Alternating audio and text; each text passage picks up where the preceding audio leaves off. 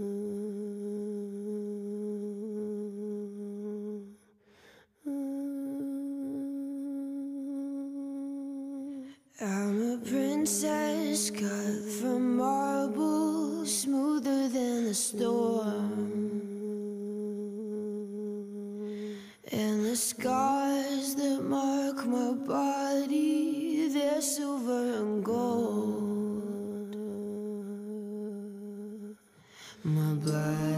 A flood of rubies, precious stones. It keeps my veins hot.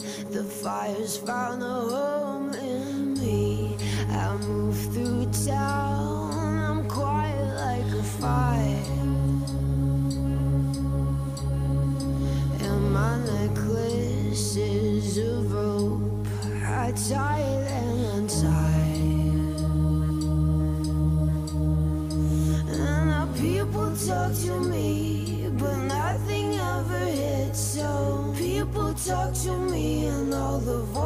Just.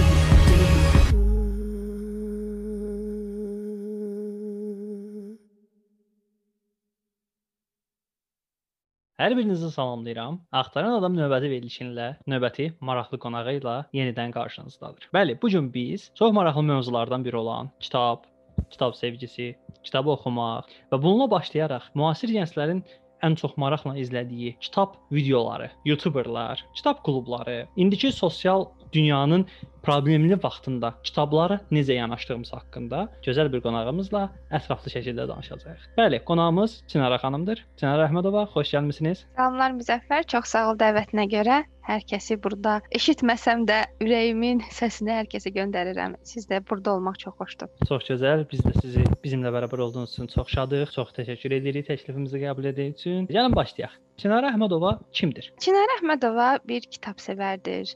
Bir anadır. Analığı da elə deyək də yavaş-yavaş kəşf etməyə çalışan bir insandır və həmişə axtarışdadır desək daha doğru olar. Ümumiyyətlə bu günə inanan bir insanam və bu gün elədiyimiz hər şeyin gələcəkdəki bütün uğur və uğursuzluğumuzun bazasını qoyduğuna inanan bir insanam. Və məncə hər şey insanın öz əlindədir. Qısaca bunu deyə bilərəm öz haqqımda. Eyni zamanda kitabı sevdiyim üçün kitab çox mütaliə edirəm və mütaliə etdiklərimi insanlarla paylaşmağı çox sevirəm. Kiçik bir YouTube kanalım var, xırda bir Instagram hesabım var. Beləcə belə deyə izləyicilərlə və oxuyanlarla fikir mübadiləsi aparırıq. Və bir də əlbəttə Dartanyanlar kitab klubumuzu yaratmışıq bu ildən etibarən və o kitab klubunun moderatorlarından biriyəm. Belə. Əla. Çox gözəl mövzulara toxundunuz. Mən hiss edirəm ki, bizim uzun-uzun müzakirələrimiz olacaq. Yəni dinləyicilərimiz bilir axtaran adamın formatı. Axtaran adam müəyyən suallar olub, o suallara cavab axtaran adamdır. O adam qonaqlara o sualları yönəldir və qonaqlardan o cavabları axtarır. Biz elə insanlara elə suallar yönəldirik ki, onlardan o cavabları alacağımıza inandığımız insanlardır və sizdən bu sadaladığınız mövzularda çox gözəl cavablar alacağımıza inandığımız üçün bu gün sizinlə bərabərik və sizə yönəldəcəyimiz ilk sual Çinarə Əhmədova. Ən başdan başlayaq. Kitablarla necə tanış oldunuz? Necə sevdiniz? Xatırlayırsınız o vaxtları? Yəni kitabla hekayəniz necə başladı? Yaxşı sualdır Müzəffər. Həmişə onu fikirləşəndə xatirələrim belə, yəni çox uşaqlığa gedir əslində. Evdə həm anam çox mütaliə edən bir insan olub, yəni bizim xırda kitab rəflərimiz olub. Yəni oxuya bilməsəm belə xatırlayıram. Anam bizim əlimizə onları gizlədirdi, çünki yazırdıq biz kitabları çox və yəni kitab bizim həyatımızın bir parçası idi. Həm oxumaq, həm vərəqləmək, həm də yazmaq baxımından. Amma şəxsən mütaliə məsələn məktəb vaxtında bizdə başladı. Yəni ibtidai sinifdə məsəl üçün müəlliməmiz bizə çox sinifdən xaric oxular verirdi, müsabiqə şəklində bizə həvəs yaradırdı və biz artıq yəni ya xatırlayıram ki, 4-cü sinifdə artıq məktəb kitabxanasından kitab götürüb sərbəst şəkildə oxuyurduq. Yəni ilk kitablarım o vaxtı o dünya uşaq ədəbiyyatının o qəzetlərin nəşri olan həmin kitablarla başlayıb, yəni özümü şəxsən gedib kitabxanadan götürüb oxuduğum Jules Verne olsun, Aleksandr Belyayev olsun, yəni o vaxtın belə deyək də xatirələri məhz o 4-cü sinifdə xatırlayıram, o kitabları şəxsən gedib götürürdüm. Yəni mənim belə kitabla tanışlığım bu şəkildə baş tuturdu. İlk başlanğıclarda Azərbaycan dilində oxuyurdunuz, türk dilində oxuyurdunuz, rus dilində oxuyurdunuz. Yəni nələr tapmaq imkanınız oldu? Sizin kitabxanalarınızda nələr var idi? Yəni, mən rayon məktəbində oxumuşam əslində. Salyan Mək rayonunda oxumuşam. Yəni orada doğulmuşam, orada yaşamışam. Mən yeniyetməliyimin böyük hissəsi orada keçib. Yəni orada kiril əlifbası ilə Azərbaycan dilində oxuyurduq təbii ki. Orada rusca heç xatırlamıram oxuduğumu. Sərbəst şəkildə mən rusca ancaq universitetə girəndən sonra oxumağa başlayırdım, amma o vaxtlar ancaq Azərbaycan dilində oxuyurduq, kiril əlifbası ilə əlbəttə. Amma xatırlayıram ki, universitetə başlayanda artıq mənim mütaliə tərzim dəyişdi. Çünki əvvəl məktəbdə məsəl üçün klassikləri çox oxuyurduq.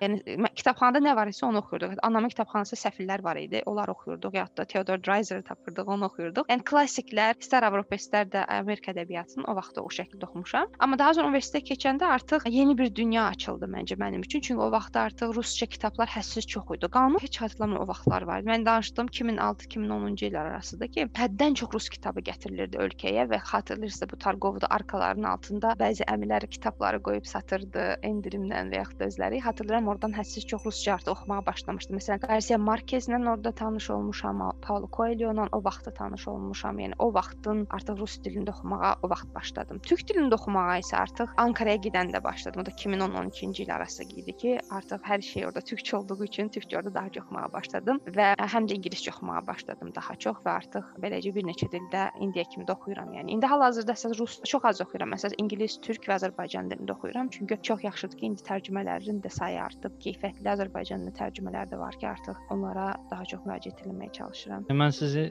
ətraflı izləyirəm, həm bölüşdüyünüz şərhlər, həm YouTube kanalınızda. Sizin kitabxananız var. Çox gözəl bir kitabxananız var. Özdə yenilik də son bir il ərzində daşıdınız onu. Çox gözəl bir vəziyyətə də saldınız.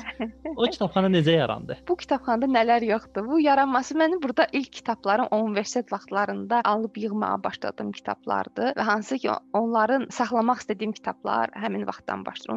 Universitetdən bu yana işləyərkən, oxuyarkən aldığım bütün kitablar burdadır. Hədiyyə verilən kitablar və kitabxanamda saxlayıb həm özümün, həm də gələcəkdə övladlarımın da oxumasını istədiyim kitablardır əslində. Çünki əlbəttə əli kitablar oxuyuram, onları saxlamıram, çünki lazım bilmirəm, onları əldən çıxarıram. Amma hal-hazırda olan kitablar bütün o əsas 2007-2008-dən bu yana olan kitabları əhatə edir. Bəs nə zaman siz mənim bir kitabxanam var deməyə başladınız? Məncə artıq evdə bizdə var idi. Yəni deyim ki, universitet vaxtı artıq mənim xırda bir kitabxanam var idi. Yəni 4 rəfim var idi və 4 rəfli kitabxanam yerində idi. Yəni yaxşı pis onu çox sevirdim. Artıq getdikcə böyüdükcə əlbəttə rəflərə sığmırdı, yeni rəflər alırdım, yaxud da nələrsə əldən çıxarıb yenilərini alırdım və nəhayət indi daha rahatam ki, artıq hər şey yığmışam, hər şey gözümün qabağındadır. Çünki həmişə orada burada olurdu, yarısı anam gildə olurdu, yarısı universitetdə yataqxanadaydı. Sonra onları bir yerə nəhayət ki, bu son hardasa bir 3-4 ildir ki, artıq bir yerdədirlər bütün kitablarım. Ora-bura səpələnməyiblər. Ona görə sevinirəm. Həmişə kitablarınız bir yerdə olsun, tək sizinlə olsun.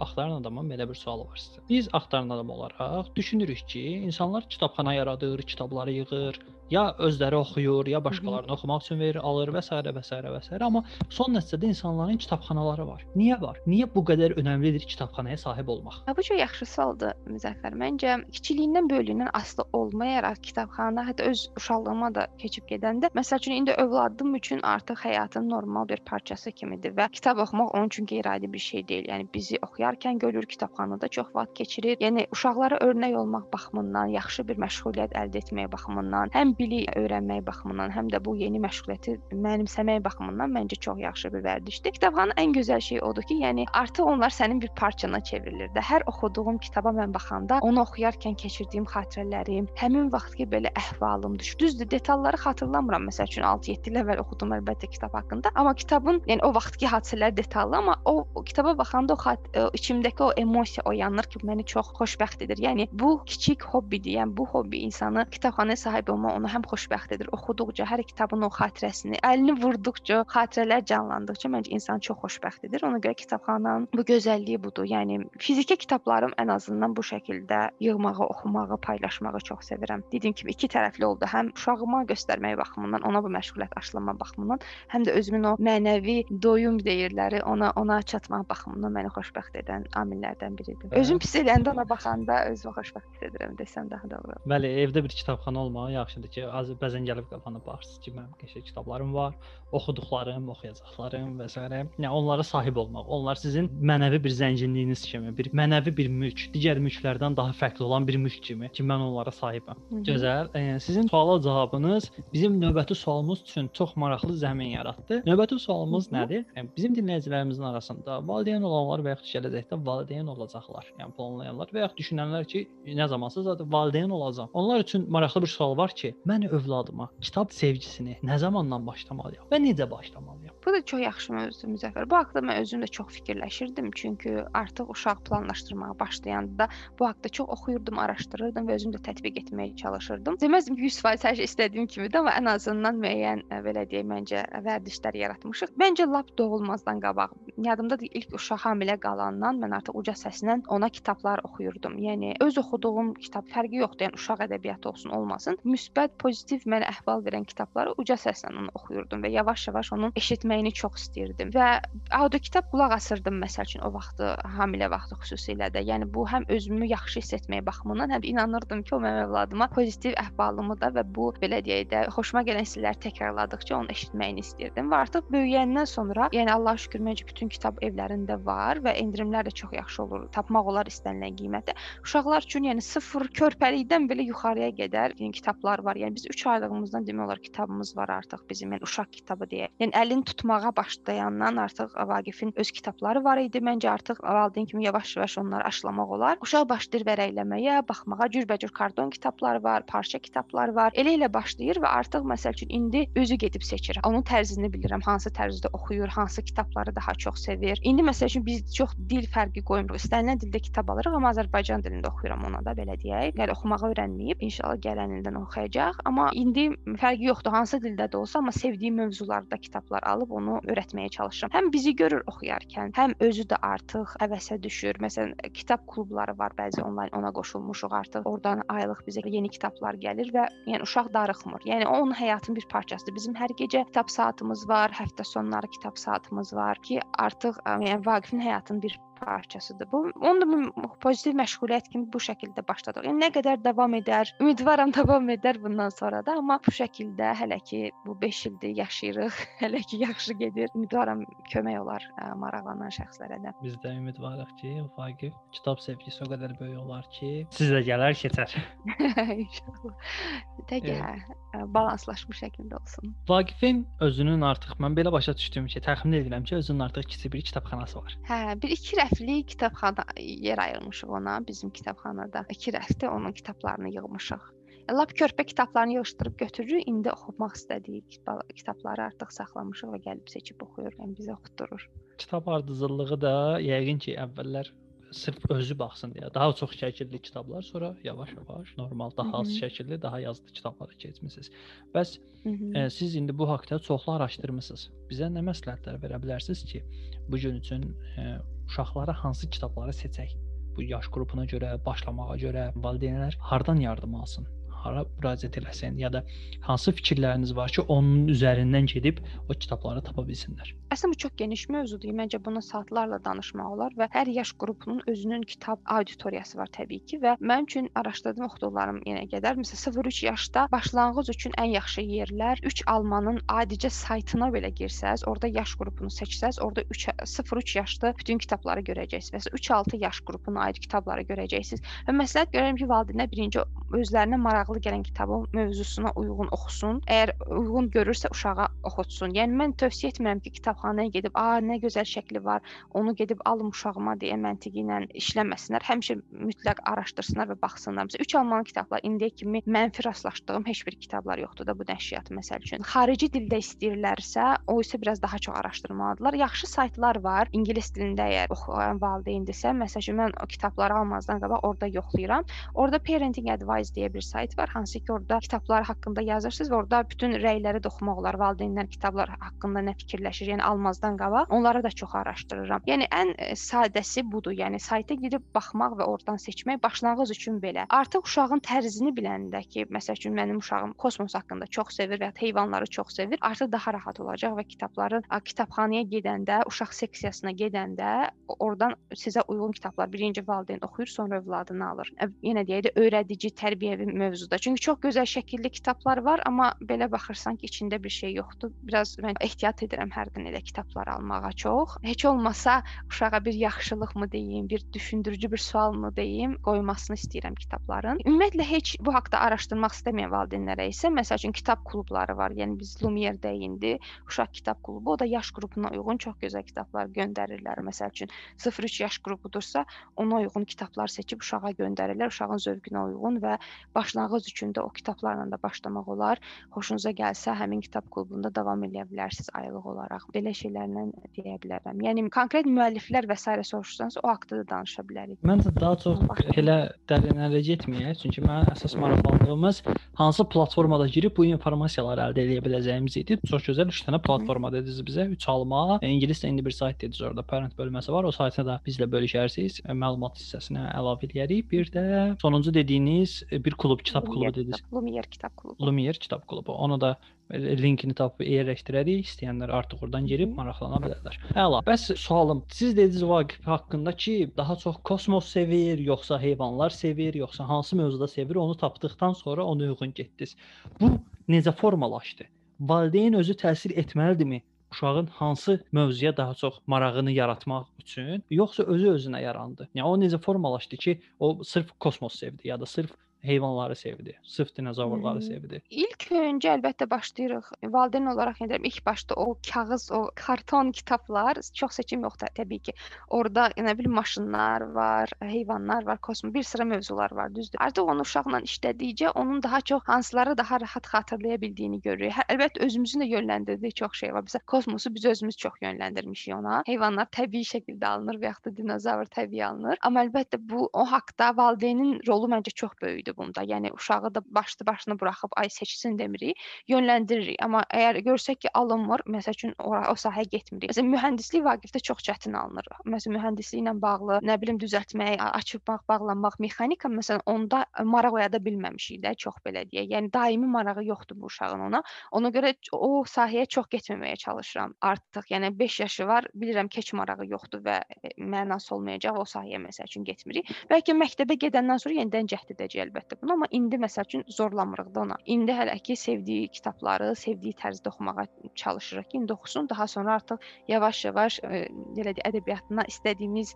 başqa şeyləri də sala bilək. Məncə hə, valideyn birinci başlamalıdır təsir eləməyə və uşağın marağı yarandıqca ona uyğun müəyyən müddət gedib yavaş-yavaş başqa belə deyək də tərzdə kitabları da sala bilər. Test edirik də, yəni test edirik, alınır, alınmır. Alınırsa davam edirik, alınmırsa biraz fasilə sonra yenidən qayıdırıq. Yəni ta özü tam formalaşa, özü seçənə qədər. Sizin bir YouTuber olduğunuzu bilirik. Yəni, yəni Booktuber daha doğrusu deyim. Yəni Hı -hı. YouTube üçün bu yəni, kitab mövzularında maraqlı videolar çəkirsiniz. Bu hissəyə keçməmişdən əvvəl kiçik bir sualım olacaq ki, Vaqif evdə kitab oxuyursunuz və o da baxır, o da həvəslənir, o da kitab oxuyur. Bəs bu video çəkmək prosesində necə? O da həvəslənir, mən də çəkim, mən də danışım, mən də bölüşüm. Varmı yoxsa hansı formadadır? Dizi dizi videolarımı həftə sonu çəkirəm və o vaxt Val Vaqif öz atası ilə bir yerdə olur. Çalışıram ki, otaqda olmasın. Çünki hədsiz çox özü çəkmək istəyir, özü maraqlanır. Çünki məsəl üçün e, vloqlar çəkəndə o özü bizi görür və istəyir o da nəsə çəksin, ona da veririk. Yəni nəsə başını qata bilir. Amma belə daimi olaraq belə video çəkim kimi bir istəyi yoxdur. Hələ də balacadır. Zaten onun çəkdiyi ən yaxşı şəkildir. Amma videolarımı çəkəndə, yəni Vaqiflə bir yerdə çəkmirəm adətən. Çünki dediyim kimi sakit durmur. Daim video əl atır, daim videonu özü çəkmək istəyir. Ona görə onu balanslaşdırmaya çalışırıq. Hər hansı bir sosial hesabı var bəs kitablar yox, haqqında yox. paylaşım elədik? Yox. Mm-mm, yox, yox, yox, hələ yox. Hələ məncə tezdir onu şey eləmək. İstədim məktəbə başlasın, artıq özü oxuyub, özü seçim edəndən sonra nəsə fikirləşmək olar. Amma hələ ki yox. Hələ ki özü istəsə eləyərik, çünki biraz uşaqların videoda çox olmasını belə çox şey eləmirəm. Anladım sizi. Mənim e, düş yəni gördüyüm, yəni Vaqifi birbaşa izləməmişəm, görməmişəm. Yəni sadəcə sizin paylaşdığınız şəkillərdən gördüyümdür. Bizim çox Azərbaycanda bir çox türk dilli kanallara baxan şəxslərin izlədiyi Barış Özcan var. Bəlkə siz də adını eşitmiş olarsınız. Bəli. bəli. Onun oğlu bir Instagram hesabı var və ora sadəcə oxuduğu kitabların şəkillərini atır. Yəni necə deyim, anası çəkir, bu əlində kitabı saxlayır, o formada o kitabların şəklini atır. Həm də bizi o oradan izləyə bilirik ki, artıq bu neçə kitab oxuyub. Yəni bir növ kitablarını paylaşır, bitirdiyi kitabları. Aha, bitirdikcə. Hə, E, Görmüşəm. bəs Vaqifin bitirdiyi kitabların sayını bilirsinizmi? Yəni özü oxuyub bitirdi. Bilirəm, onun bir dəqiqə oxuması yoxdur. Yəni hərfləri oxumaq bacarığı məncə yaşı kiçik olmalı idi. Həm də bayaqda siz də qeyd elədiniz ki, hələ ki biz onu oxuyuruq. Mhm, mhm. Amma yenə də Biz bitirdiyi kitabları belə yığdığınız bir yer varmı? Bilirsinizmi nə qədər kitab bitirib və yaxud onu Əzbər deyə bilmərəm say olaraq, amma 2 rəfdir. Hardasa yəqin ki bir 40-50 civarı olar. Deməzdim dəhşət çoxdur. Bir 40-50 civarı, yəni böyük kitablarda mən uşaq vaxtı oxuduqlarını saymıram. Amma 40-50 civarı var. İndi hər ay bizdə 5 yeni kitab onsuz oxuyuruq. Am, Yəni əlavə aldıqlarından başqa ona görə illik belə hesablamaq olar. Minimum aya 5 oxuyuruq. Ya Yəni- dəfələrlə, dəfələrlə. e, evdə şərt qoymusunuz deyəsən. Minimum 5 kitab oxunmalıdır bu ay. e, təzə kitab olaraq hə 5 kitab adətən təzə kitab gəlir. Ona görə onu oxuyuruq minimum. Amma əlavə köhnələrə də qayıtdığımız olur. Yəni köhnələri də çox oxuyuruq. Hərdən yadından çıxır, təzədən gətirir, onları biz oxutdurur. Ona görə dövr eləyir o kitablar. Yəni oxuyub da qalmır orada. Bəs e, motivasiya edici əlavə nəyinizsə varmı, yoxsa kitab artıq özü Vaqifə motivasiya eləyir? Hələ ki budur. Amma mağazalara aparanda, məsələn, kitab mağazalarına çox aparıram onu. İstər böyük kitabxanalar, kitab mağazalarının hamısında olur, olub və dəfələrlə də olur və özündə belə maraq yaradır, yaradıb və gedib oradan özü baxa bilir. Məsələn, kitab yadımdadır, pandemiyadan qabaq məsəl üçün oxu saatları olurdu. Pandemiyadan qabaq oxu saatları olurdu. Məsələn, oxu saatlarında kitab evlərində gedib qulaq asırdıq nağıllara və artıq ondan sonra özü də gedib bir neçə kitab seçə bilirdi. Yəni həvəsləndirmə bu şəkildə aparırdıq. İndi sadəcə belə səfərlərlə, belə belə deyək, kitab evlərinə, gəzintilərlə onda həvəsi yenidən xatırladırıq da belə deyək. Amma evdə hə artıq deyirəm, rejimə düşübdü, artıq o müntəzəm saat və vaxt seçəndən sonra təbii olaraq uşaq artıq özü istəyir oxusun. Yəni sadəcə onu vərdişə çevirmək lazımdır. Axtaran adamın növbəti maraqlı sualına keçirik. Demək, Hə. e, biz bir qədər böyük yaşı olan uşağı olan valideyni düşünək, hardasa bir qədər böyük deyəndə, yəni məsələn 7, 10 bu formada və bu kitab sevgisi aşılamağa gecikmiş valideyndir. Ya özü kitab oxumur deyə, ya oxuyur amma uşağını heç cür aşılaya bilməyib, ya vaxtı olmayıb onunla məşğul olsun, o kitab sevgisini aşılasın. Yəni hər hansı bir problem, bəlkə maddi çətinlik olub, kitab alıb verə bilməyib. Yəni bu hər hansı bir məsələ ola bilər, amma nəticə etibarilə bu gün uşağın kitab sevgisi yoxdur. Bunun üçün nə edə bilər ki, uşağa kitab sevgisi aşılaya bilsin? Yəni bir az da böyük yaşdan. Düzü, yəni bu sahədə çox araşdırmamışam daha böyük uşaqlarla bağlı, amma yaxşı ədəbiyyat nümunələri görmüşəm. Bəlkə onların da adını verərəm sizə də paylaşmaq baxımından ki, uşaqları aşılamaq belə deyək, böyük uşaqlara bunu aşılamaq baxımından. Birincisi məncə sa ən sadəsi, ən başlanğıc üçün düzü dostlarım da bunu çox görmüşəm. Onları test edirik iddia hazırda bəzilərini. Birinci valideyn oxumağa başlamalıdır. Yəni Uşaq onu görməlidir ki, evdə kimsə oxuyur. Zorlamaq şərt deyil. Yəni sadəcə valideyn yavaş-yavaş başlasa oxumağa müəyyən vaxtları, müəyyən saatlarda uşağın gözünün qabağına çıxsa və məsələn bunu bir neçə ay təkrarlasa, artıq uşaqda yavaş-yavaş maraq yarana bilər. Və uşağın sevdiyi, məsəl üçün tərzi məncə valideyn tapmalıdır. Məsələn, uşaq hansı tərzdə filmləri sevirsə, o tərzdə artıq kitab alıb verə bilər, ona maraq yarada bilər. Yəni Harry Potter tərzində sevirsə, Harry Potter kitabı ilə Percy Jackson-dan başlamaq yaxşıdır. Və yaxud da daha melanxolik sevirsə, məsələn, daha dramatik sevirsə, uşağın yaşından əlbəttə asılı ola bilər. Hər hansı bir Montgomery-nin Anne of Green Gables-dan başlaya bilər. Yəni baxır uşağın artıq zövqü necədir və valideyn ümid eləyirəm ki, uşağın hardasa bu məsəl oyunu sevirsə, oyunlarla bağlı həssiz çox kitab var da, belə deyək. Mary-Lou-nun Warcross-undan başlaya bilər. Yəni artıq o qədər çox gənclər üçün kitablar var ki, düz Azərbaycan dilində tərcüməsi biraz çətindir, tərcümə bizdə çox deyil. Amma uşaq əgər başqa dildə baxırsa, türkcə olsun, rusca və ya da ingiliscə, belə ədəbiyyat inanılmaz çoxdur. Bir valideyn oxumağa başlamalı, iki uşağın tərzini biləndən sonra o tərzdə kitablar artıq ona yavaş-yavaş aparıb göstərə bilər və ya da hədiyyə ala bilər ad günündə və s. və uşaq artıq maraq göstərə-göstərə oxuya bilər. Yəni deyirəm, uşaqları biraz məcbur eləmək tərəfdarı deyiləm. Uşaqları məsələn klassikləri ağır-ağır başlatmaq tərəfdarı deyiləm. Çünki hədsiz çox uşaq görmüşəm ki, yəni klassiklərlə başlayır və oxumağa nifrət edir. Çünki yenə deyirəm, ədəbiyyatı əgər lap başdan, çox əvvəldən klassiklə başlamayıbsa, 15 yaşlı uşağa ya da 14 yaşlı uşağa birdən-birə Dostoyevski vermək və bunu tələb eləmək məncə çox ağır bir yükdür. Yəni uşaq zaten onun dəyərini verə bilməyəcək. Amma onun zövqünə uyğun yavaş-yavaş başlanılsa və yavaş-yavaş vərdişə çevrilsə, artıq o yavaş-yavaş ədəb başqa ədəbiyyat nümunələri də salmaq olar deyə düşünürəm. Kitab evlərinə çox gedilsin, kitab klubları olsun, kitab mağazaları olsun, uşaqlar görsün kitabı, yəni kitab oxuyan bir cəmiyyətin olduğunu anlasınlar və o yavaş-yavaş artıq özünü formalaşdırmalıdır. Yəni də mən ətrafımda gördüyüm dostlarımda və elədiyimiz xırda testlərdə, təcrübələrdə bunu görmüşəm və bunu paylaşa bilərəm ancaq. Amma yəqin ki, hər uşağın öz tərzi, hər valideynin öz tərzi olacaq bu istiqamətdə. Bəzən məktəblərdə kitabxanalar olur. Əslində şagirdlər gedib oradan kitabxanadan kitab götürə bilər. Amma orada problem şagirdin bunu bilməməyi idi. Məsələn, mən orta məktəbdə oxuyanda məktəbimizin kitabxanası olduğundan xəbərdar deyil idim. Mən elə bilirdim o yer, o otaq sadəcə dərslik kitablarından ibarət. Dərslik kitablarından ibarət. Sadəcə dərslik kitabını götürmək üçün ildə bir dəfə gedirdik, sonra da qaytarırdıq. Nə zaman ki mən Sumqayıt Özəl Türk liseyinə keçdim, 7-ci sinifdə gördüm ki, böyük bir kitabxanası var. Yəni burada bir dənə dərslik kitabı yox. Bu ancaq bədii ədəbiyyat. Onda oradan tanış oldum götürdüm, oxudum, qaytardım, götürdüm, oxudum, qaytardım bu formada. Amma əsas mənə kitabxana yaratmağa və daimi kitab oxumağa marağı yaradan hissə 10-cu sinifdə oxuyanda getdiyim Aras kurslarından bizə bir endirim kartı vermişdilər. Xatırlamıram, o zaman çağ öyrətimə aid bir kitab satış mağazası var idi. Aras kursları ilə partnyor idilər, onlar tez-tez onun reklamını edirdilər. Bizə 10%lik endirim kartı verilmişdi və o 10%lik endirim kartına görə mən həmişə həvəslə pul yığırdım ki, gedim kitab alacağam. O orada mənə kitabxana yaratmaq çox böyük, yəni kitab aldım, yığdım, oxudum, payladım, itirdim, qaldı. Sonra yavaş-yavaş belə kitabxana yaratmağa başladım. Yəni o, o o da böyük motivasiya verdi ki, bir dənə sadəcə 10% endirim. Yəni 10% orada heç bir əhəmiyyət daşımırdı, amma mənə çox maraqlı idi ki, mənim əlimdə kupon var, mən gedib kitab ala bilərəm. Aha, aha, başa düşürəm. Mühit də çox vacibdir Müzəffər məncə. Yəni o dediyin kimi, Bəli. yəni ki, ətrafında o, o istər oxuduğun məktəb olsun, istər dostların olsun, artıq insanlar onla o mühiti gördükcə lap çox həvəslənir və tək olmadığını görürsən və yeni dünyanın kəşf etmək həyəcanı məncə o içində parlayır da belə deyək və belə xırda endirim dediyim kimi məsələlər bu uşaqlarda bəs yaradır. Məncə bu da yaxşıdır. Yəni siz demiş, ə, e, yarmarkalara getmək, kitab satış mağazalarına getmək, yəni özünüzə kitab almağa gedəndə yanınızda şu an götürəndə o da görür, bir dəfə də o qayıb deyəcək ki, bu kitabı istəyirəm. Hı -hı, yəni ona sahib, o kitaba sahib olma hissini yaşayandan sonra yavaş-yavaş həm sahib olduqlarını oxumağa öyrənməyə, həm də daha çox kitab almağa həvəs yaranmış ola biləcək.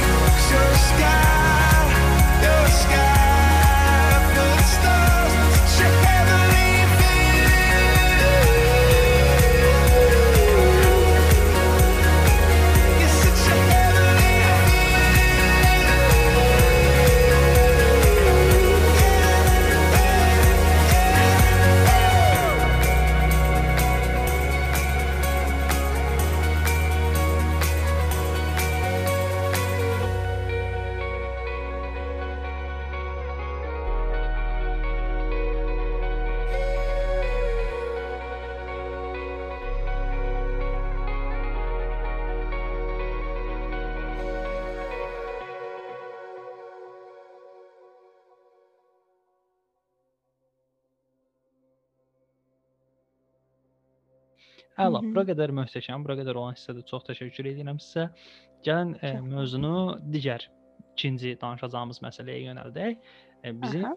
bir booktuberımız var. Hı Bu necə başladı? Nə zaman başladı? Bu haqqda başlayaq. Booktube deyəndə belə ə, yenə deyirəm, xırda bir kanaldır. Zaten başlayanda yadımdadır 2018-in yayında biz də başlamışdıq.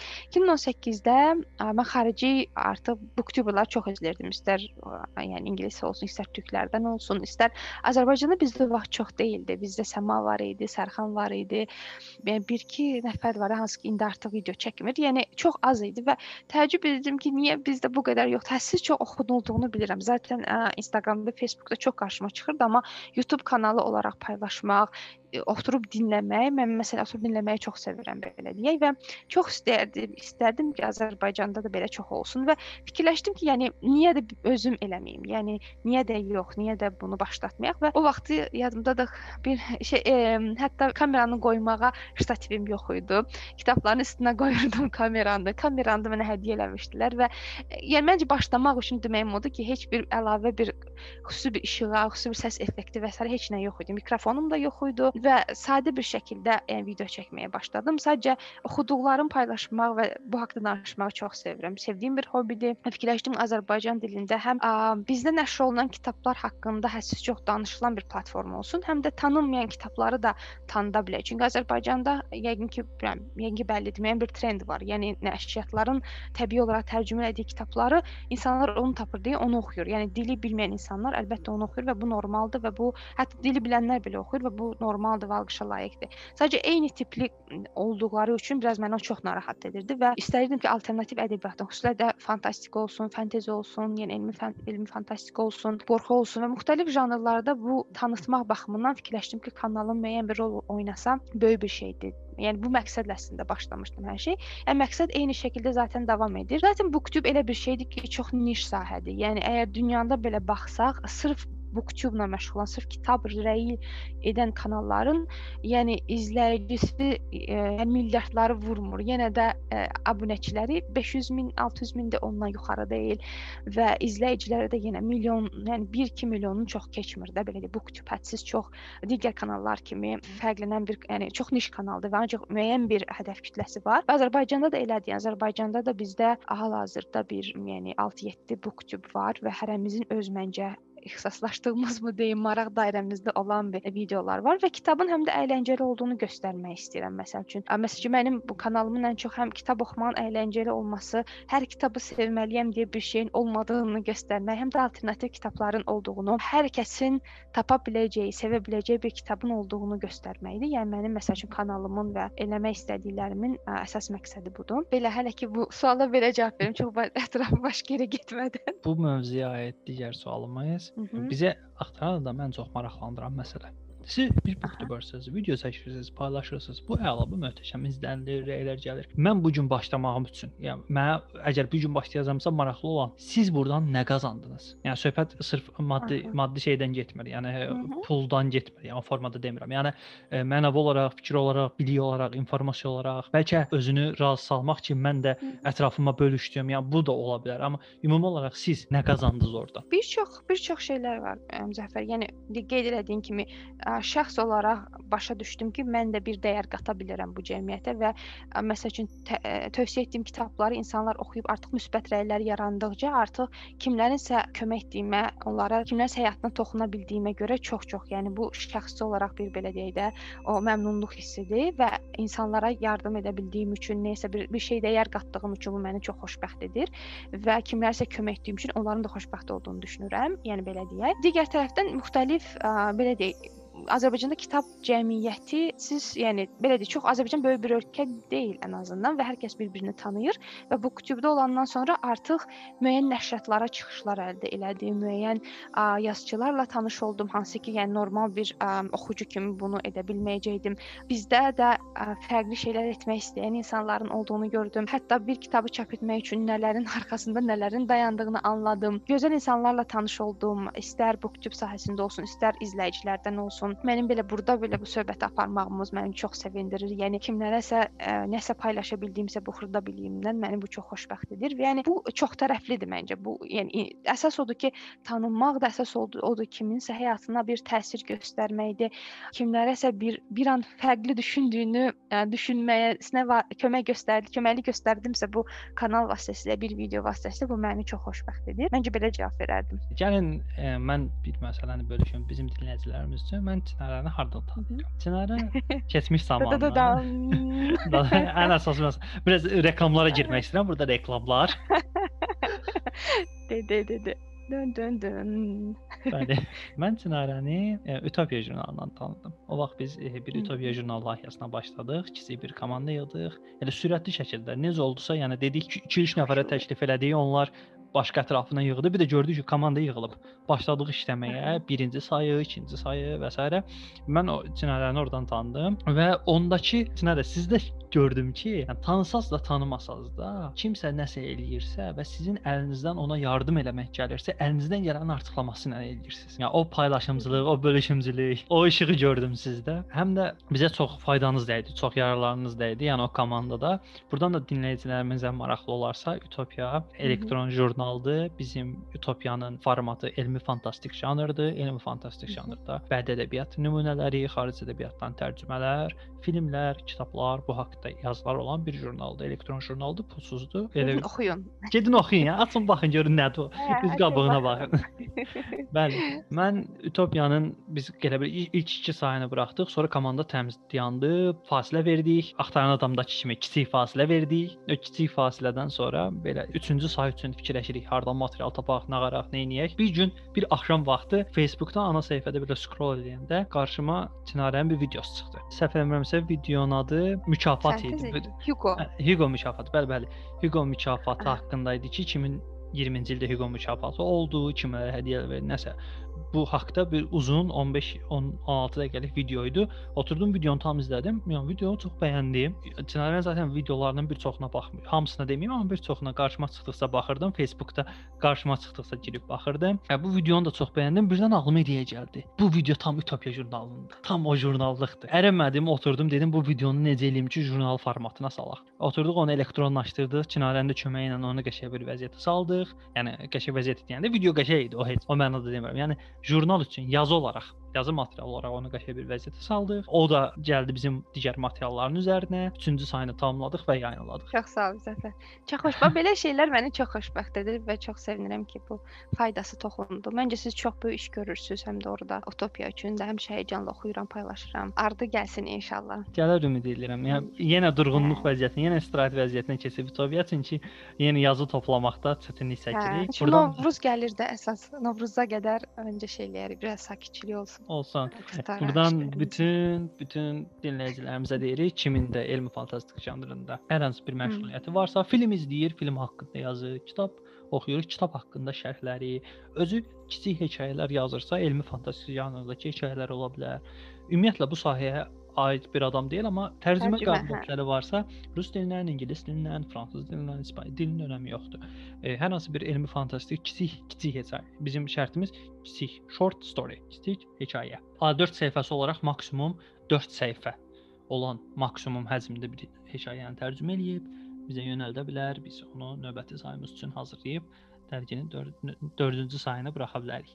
Yəni 4-cü say üçün material axtarırıq. Burdan da bizi dinləyən hər kəsi səslənirik. Bizim jurnalda sizin xarici ədəbiyyatdan tərcümələriniz var, çox gözəl tərcümələriniz var. Sonra bu mükafat məsələsi də bizim yeni kateqoriyamızda artıq sizdən həvəslə 2021-ci ilin elmi fantastik yazıçılarına verən mükafatlar haqqında yazılar gözləyirik ki, bu il hansı mükafat olacaq? Yəni eyni formatda həvəslə gözləyirik. Oxucularımız da gözləyir. Ümid edirəm ki, gözləyirlər. İnanıram mən oxucularımız gözləyir. inşallah. İnşallah. Gəlir. Birazdan sezon başlayır. Mükafat sezonu. Hə, İnşallah Onda yazılar da bol-bol gələcək. Siz ilk YouTube videosunu çəkin, Hı sonra hı. biz onu yazıya yaxınlaşdırarıq. Hə, indi növbəti axırıncı mövzumuz. Mən bir post gördüm sizin paylaşdığınız, orada bir söz Dartanyanlar. Dartanyanlar nədir? Kimdir? Dartanyanlar əslində 3 ayrı, 4 nəfərik əslində. Kitab oxumağı çox sevən 4 qızdır biz. Yəni biz BookTube sayəsində tanış olmuşuq. Tamamilə ayrı-ayrı yerlərdən, ayrı-ayrı dünyalardan. İndi birimiz Riqadadır, birimiz Kayseri'dədir, ikimiz də Bakıdayıq və fikirləşdik ki, yəni kitab oxumağı çox sevirik. Paylaşırıq, danışırıq. Hərəmizin Instagram hesabı var və yaxud da YouTube hesabı var. Və fikirləşdik ki, yəni oxuduqlarımız kitab klubu olaraq biraz xırda bir kitab klubu quraq. Hansı ki, bizim kimi alternativ ədəbiyyat oxumağı çox sevir və yaxud da oxumaq istəyən insanlardan ə, ibarət bir qrup olaq. Yəni Dartanyanlar bizim əslində öz aramızda işlətdiyimiz bir ə, belə deyək də nickname mi deyim, öz aramızda bizim ə, yəni bu kitabı həm də çox sevdiyimiz üçün öz özümüzə ə, adlandırdığımız belə nickname idi. Və fikirləşdik ki, yəni Dartanyanları biz kitab klubuna çevirək. Yəni kitabı sevən insanlar qrupu və həm də kitab obrazı olaraq ə, maraqlı da olduğunu düşündük və belə bir kitab klubu qurmağa qərar verdik. Bu kitab klubu bizdə yanvardan başladı. Artıq yanvarda biz bir kitab oxuyub müzakirə elədik virtual, ə, ikinci kitab artıq bu həftə bazar günü müzakirə aparacağıq. Artıq yəni bu şəkildə davam edirik ki, kitabımız artıq belə deyim müzakirəsi qurtarıb, üçüncü kitabı seçmişik.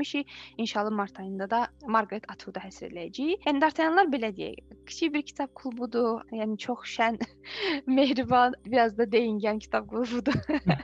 Amma maraqlıdır. Yəni tamamilə yenə də fərqli qruplardan insanlardır, dünyanın hər yerindən ə, maraqlı müzakirələrimiz keçir. Hədsiz kitabı çox sevən və sevməyən qruplara bölünürük və çox maraqlı müzakirələrimiz keçir. Yəni deyirəm, ə, hələ ki ikinci müzakirə bu həftə sonudur. Görək necə davam edir, yəni. Belə deyək. Dartanyanlara necə qoşula bilərik? Dartanyanlara qoşulmaq məncə çox sadədir. Yəni Instagram hesabınız varsa, Dartanyanlar kitab klubu altdan xətt yazaraq axtara bilərsiniz. Bizi Instagramda hesabımız var və onun rəy bölməsinə yazıb əgər qoşulmaq istədiyinizi qeyd eləsəz, sizi bizim Telegram qrupumuza daxil edəcək ki, orada müzakirələri həm də oradan aparırıq. Kitab haqqında in- ilkin təəssüratlarımızı və ən son kitab xəbərlərini orada paylaşırıq bir-birimizlə.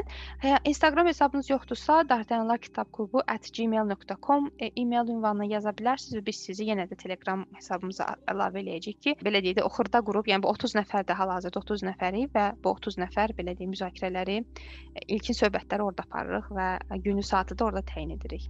Yəni qoşulmaq hərəkəti çox sadə bu şəkildədir Müzəffər. İstəyən hər kəsi dəvət edərik bu ə, kitab klubumuza qoşulmağa. Ümid edirəm ki, bu bölüm yayınlanan sonra da bizim dinləyicilərimiz maraqlananlar artıq gəlib orada qatılacaq, həvəslə oranın bir üzvlərinə çevriləcəklər. Əlbəttə, inşallah. Yəni oxuma bizdə kitab klubu elədik ki, yəni hər ayda oxuyub mütləq gəlməlisən deyə bir şey yoxdur. Məsələn, bizdə üzvlərimiz var ki, ya oxumağı çatdırmırlar, amma gəlib qulaq asırlar. Çünki bizim söhbətlər biraz başqa yerlərə də gedib çıxa bilər. Yəni təkcə kitabın araşdırdığı mövzuları biraz daha ətraflı danışa bilirik. Yəni əgər ilk başlarda, yəni hər kəs çox da qorxmasınlar ki, ay mən mütləq oxumalı, mütləq çatdırmalıyam, çatdırmasam nə olacaq? Belə bir belə deyim, təzyiq yoxdur bizdə. Ona görə kitabla maraqlanan və alternativ xüsusiyyətdə oxumağı sevən insanlar dəvət edirik ki, qoşulsunlar və bir yerdə oxuyaq və yaxud da söhbət edək. Yəni dinləyici kimi gəlib qoşula bilərik. Yəni ilk başlayanda dinləyici kimi gəlmək olar. Necə maraqlı. Bu mövzuda Dartanyanlar haqqında da bölüşmək istədiyiniz maraqlı hər hansı bir şey varmı? Yəni belə deyək, orada olduğunuz müddət ərzində sizə yəni, ən maraqlı, ən komik, ən yadda qalan hadisə nə olub? Ən komik. Düzü deyirəm, bizdə 2 ayda da, yəni 2 ayda ola biləcək bu pandemiya dövründə aparacağımız müzakirələrdən, amma keçən müzakirə yadımdadır ki, kitabın yəni tən yarısı sevmişdi, inanılmaz sevmişdi. Tən yarısı heç sevməmişdi. Yəni orada o qədər bir komik vəziyyətdir və sona doğru zaten sevən tən yarısı da artıq sevməməyə başladı kitabı. və mən çox gülmüşdüm. Yəni xatırlayıram ki, müzakirədən sonra mən çox çünki müzakirə etdikcə elə mövzular çıxırdı və artıq kitabın çox xırdalıqlarına gedib çıxırdıq. Yəni yazıçının həyatı ilə apardığı yanaşmasından tutmuş, yəni həmin o araşdırdığı mövzuların dərinliyinə, ədəbi prior yomlara qədər danışırdıq və çox məncə maraqlı müzakirə alınmışdı. İndi görək, yəni bazar günündə görə artıq ə, maraqlı xatirə nə yaranacaq? Çünki o kitab da çox belə ziddiyyətli bir kitabdır. Əminəm maraqlı bir müzakirə olacaq. Onu da paylaşarıq inşallah. Demək, biraz gecikmiş sual olacaq. Bu bayaqki mövzuya aid idi. Amma yenə də sual verim Aha. ki, siz uzun müddətdir 2018-dən YouTuberlığa başladınız, video çəkməyə, paylaşmağa başladınız.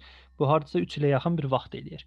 Bu 3 ilə yaxın vaxt ərzində yenə eyni, eyni sual. Sizə ən pik, ən belə maraqlı gələn, ən e, komik olan, ən möhtəşəm hansı hadisə olmuşdu? E, əslində pik deməzdim də xatırladığım müxtəlif hadisələr var. Əslində çox müxtəlif belə deyək, belə deyək, kanalın 2018-dən bu yana bir neçə xatırladığım vacib e, yerləri var. Məsəl üçün xatırlayıram, kitab yarmarkaları olurdu bizim Covid-dən qabaq, o biraz lap eradan qabaq ki danışıram, amma Covid-dən qabaq çox yaxşı kitab qabaqki dövrdə çox yaxşı kitab yarmarkaları var idi ki, məsəl üçün orada mən çox yaxşı nəşriyyatlarla tanış olurdum, olmuşdum. İstər Təsbres nəşriyyatı olsun, istər Qədim Qala olsun, Hədəf nəşriyyatından Səbuhin orada tanış olmuşduq və bu çox yaxşı əməkdaşlıq əməkdaşlıqlara gətirib çıxarırdı. Yəni istər istər ə, müsabiqələr aparma baxımından, istər kitabla bağlı rahat fikirlərimi artıq onlara birbaşa bildirə bilirdim. Yəni kitablarla bağlı mənim üçün çox vacib idi bu. Yəni artıq yarmarkalara getmə. İlk yarmarka video, məsələn, kitab buxu yarmarkasındakı video mənim çox ə, xatırımdadır. Çünki orada belə insanlarla artıq şəxsən tanış olmuşdum. Mənim üçün sevindirici idi. Daha sonra xatırlayıram Librafla bağlı bir video çəkmişdim. Librafın özündə gedib çəkdiyim və orada çox narazı olduğum bəzi yerlər var idi. Sonra Libraf əməkdaşlarına əlaqə saxlamışdılar və belə deyək də, öz librafın təzə açılan vaxtı idi yadımdadır və problemi həll etməyə çalışmışdılar. O haqqda xatırlayıram onlarla çox uzun danışıqlarımız və müzakirələrimiz olmuşdu. Burdan onların əməkdaşlıqlarına təşəkkür edirəm. Və daha sonra isə məncə məndə hardasa bir 6 ay fasilə olmuşdu. 2020-ci ilin əvvəli, 2020-ci ilin ortasından artıq ə, çəkməyə başlamışdım, deyim, mütəmadi olaraq və artıq yeni belə deyək, ə, yazıçılarla və nəşriyyatlarla tanış olmuşdum. Məsəl üçün ə, Fərid Hüseynli ilə tanışlıq olsun, Orxan Həsənlə tanışlıq olsun və Köhlən nəşriyyatı olsun və yaxud da Pandora olsun, Fabul olsun. Artıq bir çox nəşriyyatlarla artıq şəxsən tanış oldum və məsələn onlarla çox rahat artıq ə, həm rəy bildirməyə baxımından, məsələn onlar kitablarını çap etməzdən qabaq mənimlə yoxlayırlar, məsələn mən rəylərimi bildirən müəyyən dəyişikliklər aparır kitabda. Yəni bu cür əməkdaşlıqların, bu cür belə belə deyim də dostluqmu deyim, yoldaşlıqmı deyim yaranması məni çox sevindirir. Ə, yəni hansısa bir kitabın ə, ərsəyə gəlməsinə xırda bir töhfə verməyi məni çox xoşbəxt edir. Yəni kanalımın məncə mənə qatdığı bu son 3 ildə yəni olunan ən ə, məncə yaxşı şeylər bunlar idi bu haqqda. Təşəkkür edirəm. Maraqlı mövzular, maraqlı suallar. Məncə axtaran adam sizin bugünkü aktivliyinizdən, fəallığınızdan, cavablarınızdan çox razı qaldı. Çox, yəni Çox bizə çox önəmli olan suallara ətraflı cavablar aldıq sizdən. Bunlar hamısı üçün təşəkkür edirik. Son sualımız, yəni axtaran adamın ikinci Hı hı. sezonunun ilk sezonundan fərqləndirən sualı. Aha. Çinarə Əhmədova özünə hansı sualı verərdi? Aa, çətin sualdır. Bəli, bu. Yəni Ah, sizin belə deyim, insan bu fikirləşim də. E, insan özü bu sualın yaranma məsələsi budur ki, insan bəzən bir informasiya var, onu bölüşmək istəyir. Amma bilmir də ki, ona kimsə o o sualı bölüşə biləcək şərait, o sual verilməlidir ki, o cavabı bölüşə bilsin. Bu da oradan yaranır ki, siz özünüzə nə soruşulmasını istəyərdiniz ki, o cavabı verəsiniz. Özünüzdən nə soruşulmasını istəyərdiniz? Yəni bu gün Çinarə Əhmədova özünə nə sual verərdi? Hmm, Mən düzü bu gün daha çox fikirləşirdim ki, biz oxuduğum kitab biraz janrlarında da danışaq. Məsəl üçün fantezidən çox sevdiyim e, belə deyək, kitablar, elmi fantastikada sevdiyim kitablar və yaxud da niyə insanlar fantezi oxumalıdır və elmi fantastika oxumalı tərzində, ə, yəni kitab janrları və mütaliə tərzində ə, bir sual da gözləyirdim, amma digərlərini də gözləyirdim. Yəni onlar sürpriz, bəziləri sürpriz oldu, amma digərlərinin çoxunu gözləyirdim, amma bu sual da gözləyirdim. Əsasən də oxuduğum mütaliə tərzimmi deyim, mütaliə formamı deyim, o haqqda sual gözləyirdim. Demək, Çinarə Əhmədovanın bu gün özünə verəcəyi sual Çinarə Əhmədova, siz hansı tərzdə kitablar oxuyursunuz? Bu hansılardır? Onlardan hansı nümunələri çəkə bilərsiniz bizə və nəyə görə o janr daha çox yayılmalı və sağ ol suala görə. Hə, bu-.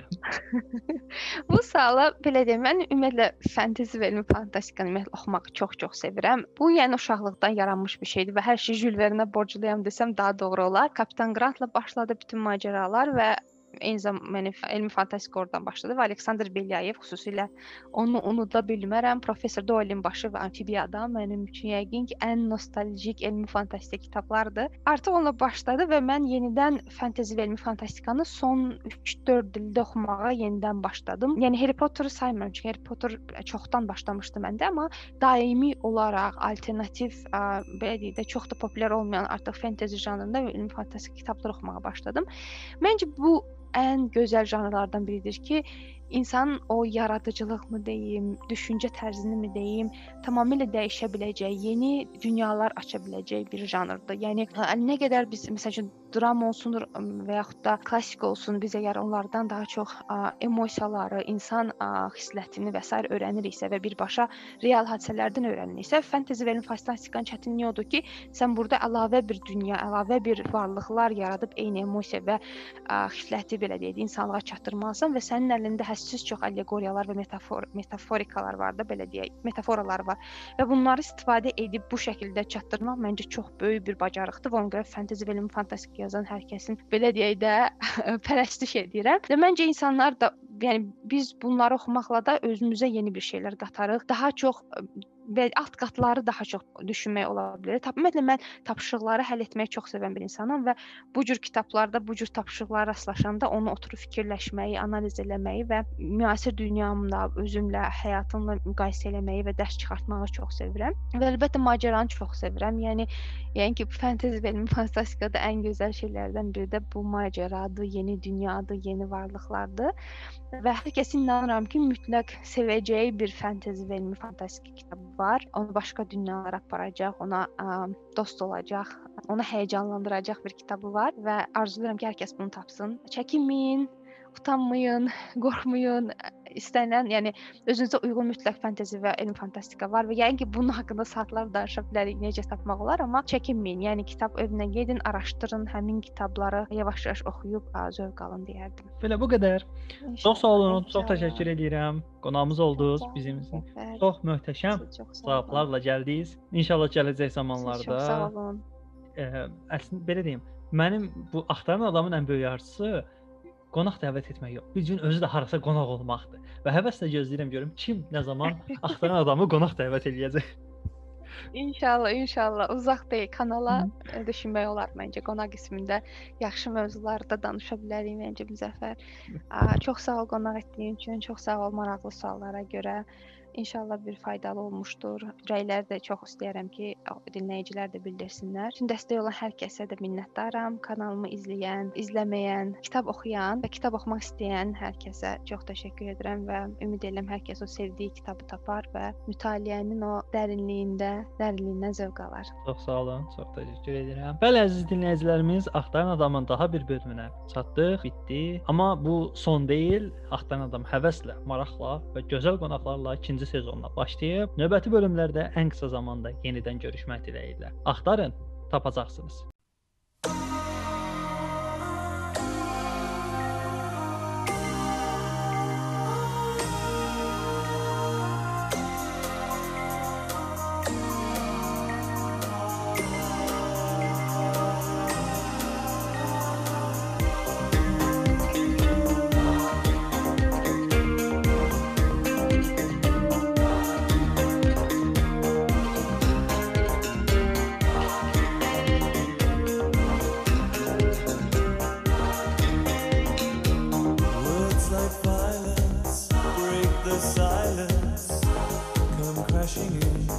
Into my little world. Painful to me, it's right through me. Can't you understand? Oh, my little girl.